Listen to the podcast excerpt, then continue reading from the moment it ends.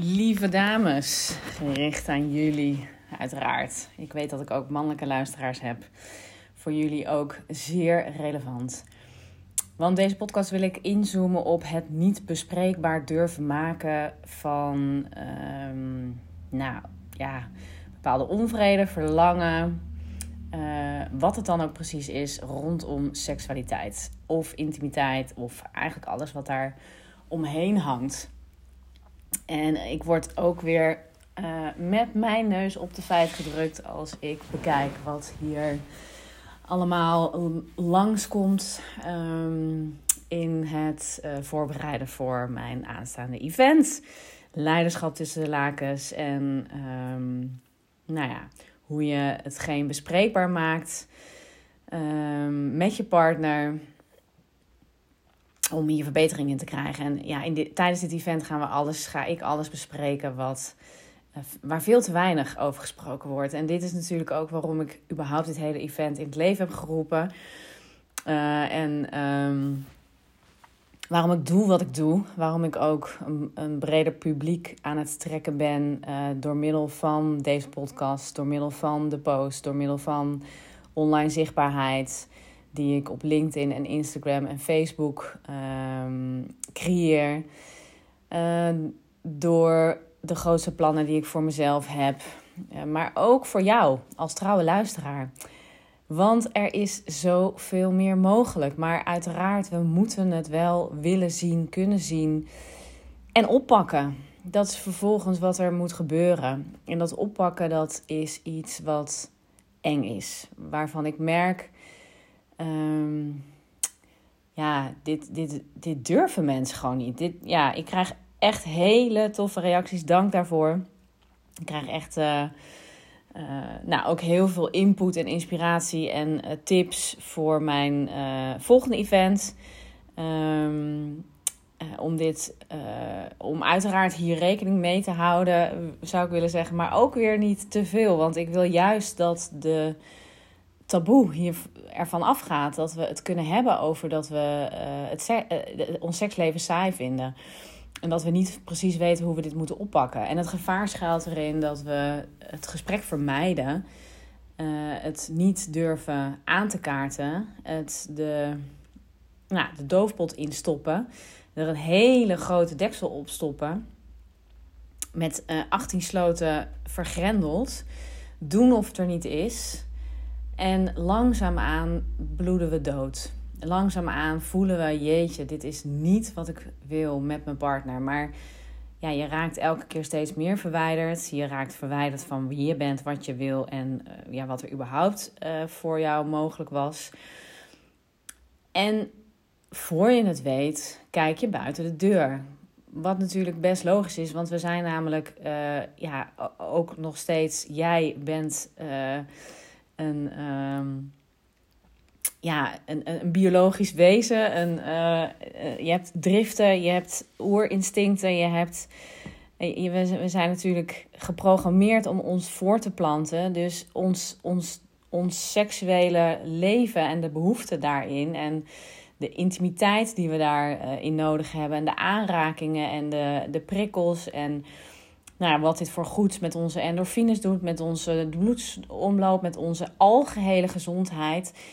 Um, seks is niet voor niets, wordt het de, de, de lijm van de relatie genoemd. We hebben echt die binding met elkaar nodig. Dit, unieke concept wat we uh, als eerste verwaarlozen wanneer het minder gaat. Maar we hebben het gewoon nodig en we zijn geneigd om te doen alsof we dat niet nodig hebben om te doen uh, ja, alsof dat dan niet belangrijk genoeg is. Of dat, ja, ik ben, ik ben niet zo primair. Uh, ik, ik wil niet alleen maar uh, ja, lust voelen naar een partner of als lustobject gezien worden. En dat zijn allemaal hele begrijpelijke zinnen.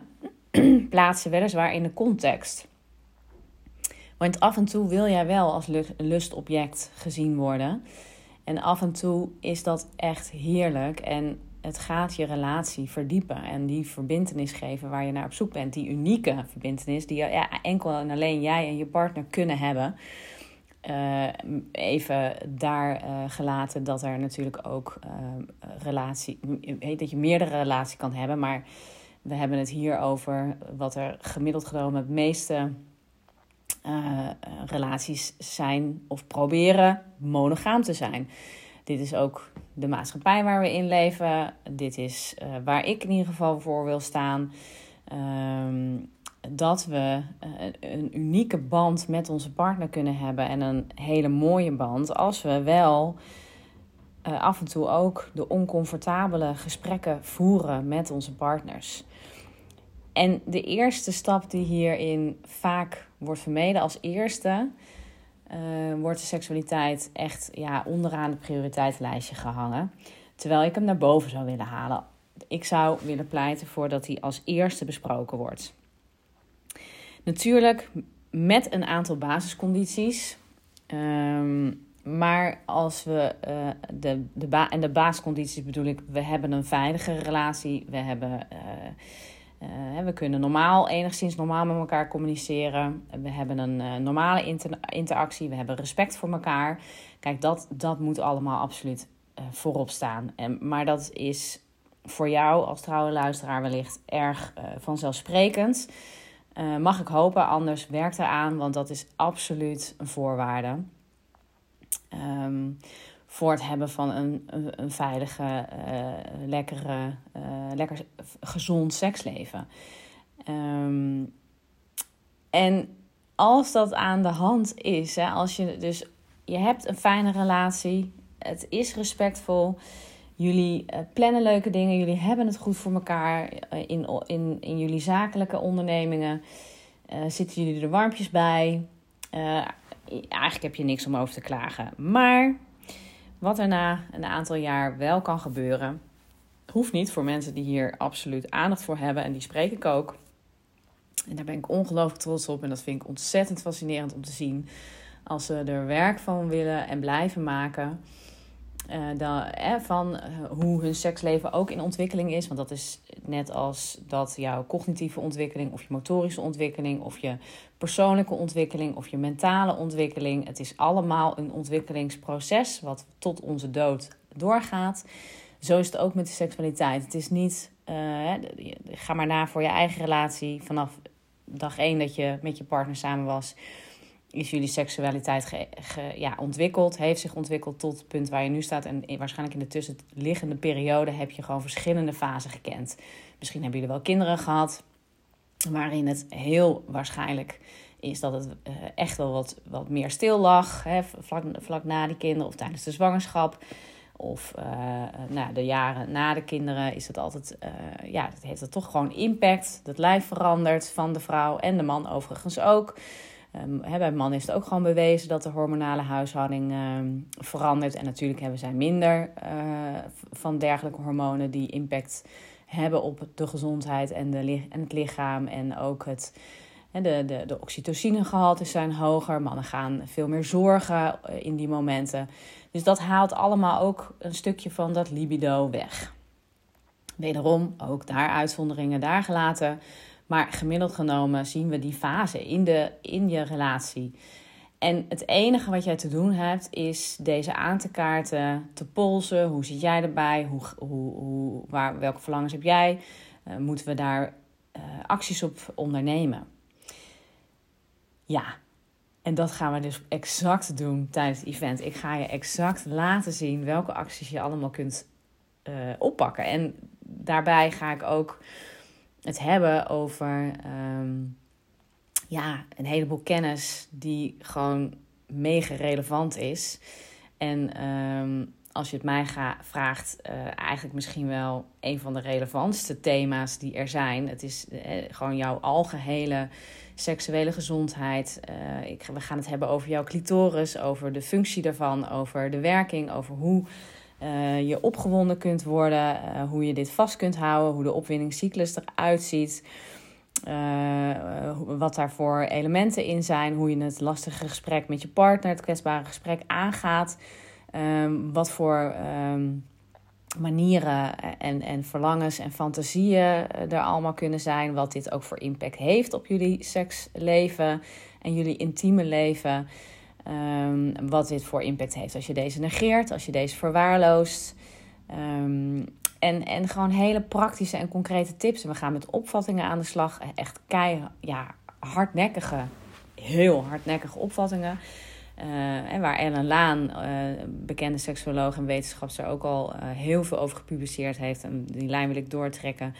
Dan, want als we natuurlijk de opvatting bijvoorbeeld um, naleven van, nou, vrouwen hebben een minder hoog libido en hebben niet zoveel behoefte om klaar te komen tijdens de seks.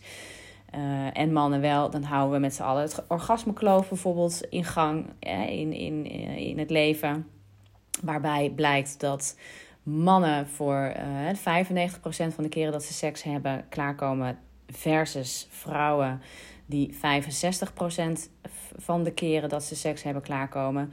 Dus um, ja, 35% dus niet van de keren. Dus, dus zij, voor hen is gewoon seks, voor vrouwen in het algemeen, is seks veel minder belonend.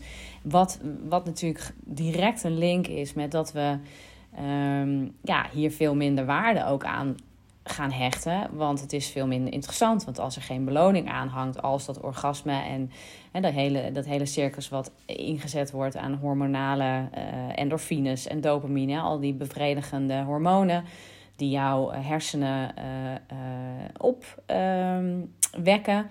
waarmee ze ook seintjes aan jouw lichaam afgeven van hé, hey, dit is fijn, dit is lekker, hier willen we meer van. Ja, als dat niet in gang wordt gezet, ja, dan hoeft het ook niet zo. Hè? En dat is natuurlijk wat ik heel veel hoor. Joh, het hoeft niet zo. Ik ben eigenlijk wel oké ermee.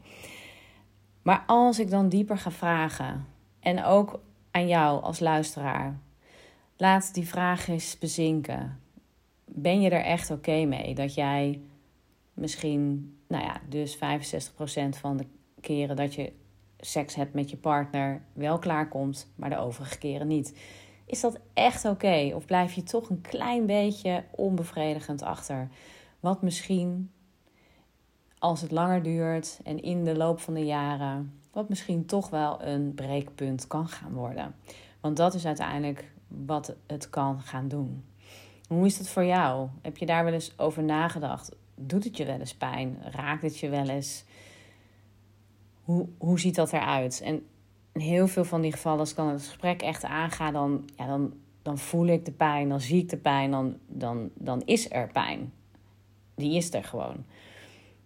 Maar we doen of dat wel normaal is. En ook op die manier, we praten ook met vrouwen. Joh, maar dat is toch logisch? Ja, je komt ook niet altijd. En nou ja, hang, hecht er ook niet te veel waarde aan joh, dat is toch gewoon logisch. En mannen hebben dat nou eenmaal niet zo door. En die doen dat ook niet allemaal expres. En, uh, en dat is ook allemaal waar, hè, dat ze dat niet expres doen. En, maar dat vertelt ook niemand ze. Uh, als ze iets doen wat toch niet helemaal prettig is. Dan hebben wij als vrouwen ze dat te vertellen. En vice versa uiteraard. Want het is beide kanten op. Uh, alleen dit event ga ik gericht geven aan vrouwen. dus voor jou en uh, dit naar aanleiding van een heleboel mooie reacties van fantastische vrouwen, maar die het ook zo spannend vinden. Weet dat je niet de enige bent. Sterker nog, ik denk dat iedereen eigenlijk een bepaalde angst heeft. Er zijn inmiddels uh, zes dappere dames die zich wel hebben aangemeld. Die uh, de stoute schoenen hebben aangetrokken en uh, ergens de behoefte voelen daar meer over te willen weten. En als jij nou meer wil weten over het event, ehm, check dan mijn sales page die ik voor jou heb gemaakt. Die zal ik in de show notes uh, ook um, erbij laten zetten. Uh, dus in het, uh, het, stukje tekst onder deze podcast. Plus dat ik um, ook een andere podcast voor jou heb opgenomen. Private podcast heet die Leiderschap tussen de lakens. twee of drie podcasts hiervoor. Die kan je eventueel ook nog beluisteren om meer informatie te krijgen. Maar eigenlijk, um, hoe langer je erover gaat nadenken, hoe harder jouw hoofd waarschijnlijk gaat praten met hoe is dat niet veel te spannend en durf je dat wel, et cetera, et cetera. Dus ik zou willen zeggen, zet, zet jouw hoofd zeg maar op de achterbank en um, ja, beslis wellicht impulsief. Maar ik ga je beloven, je gaat geen spijt krijgen van deze impulsieve beslissing. Het gaat jouw seksleven veranderen. Heb je vragen? Let me know. Klim in mijn DM of op LinkedIn of op Instagram, daar ben ik actief. En ik hoop jou daar te zien. Hele mooie dag verder en tot in de volgende podcast.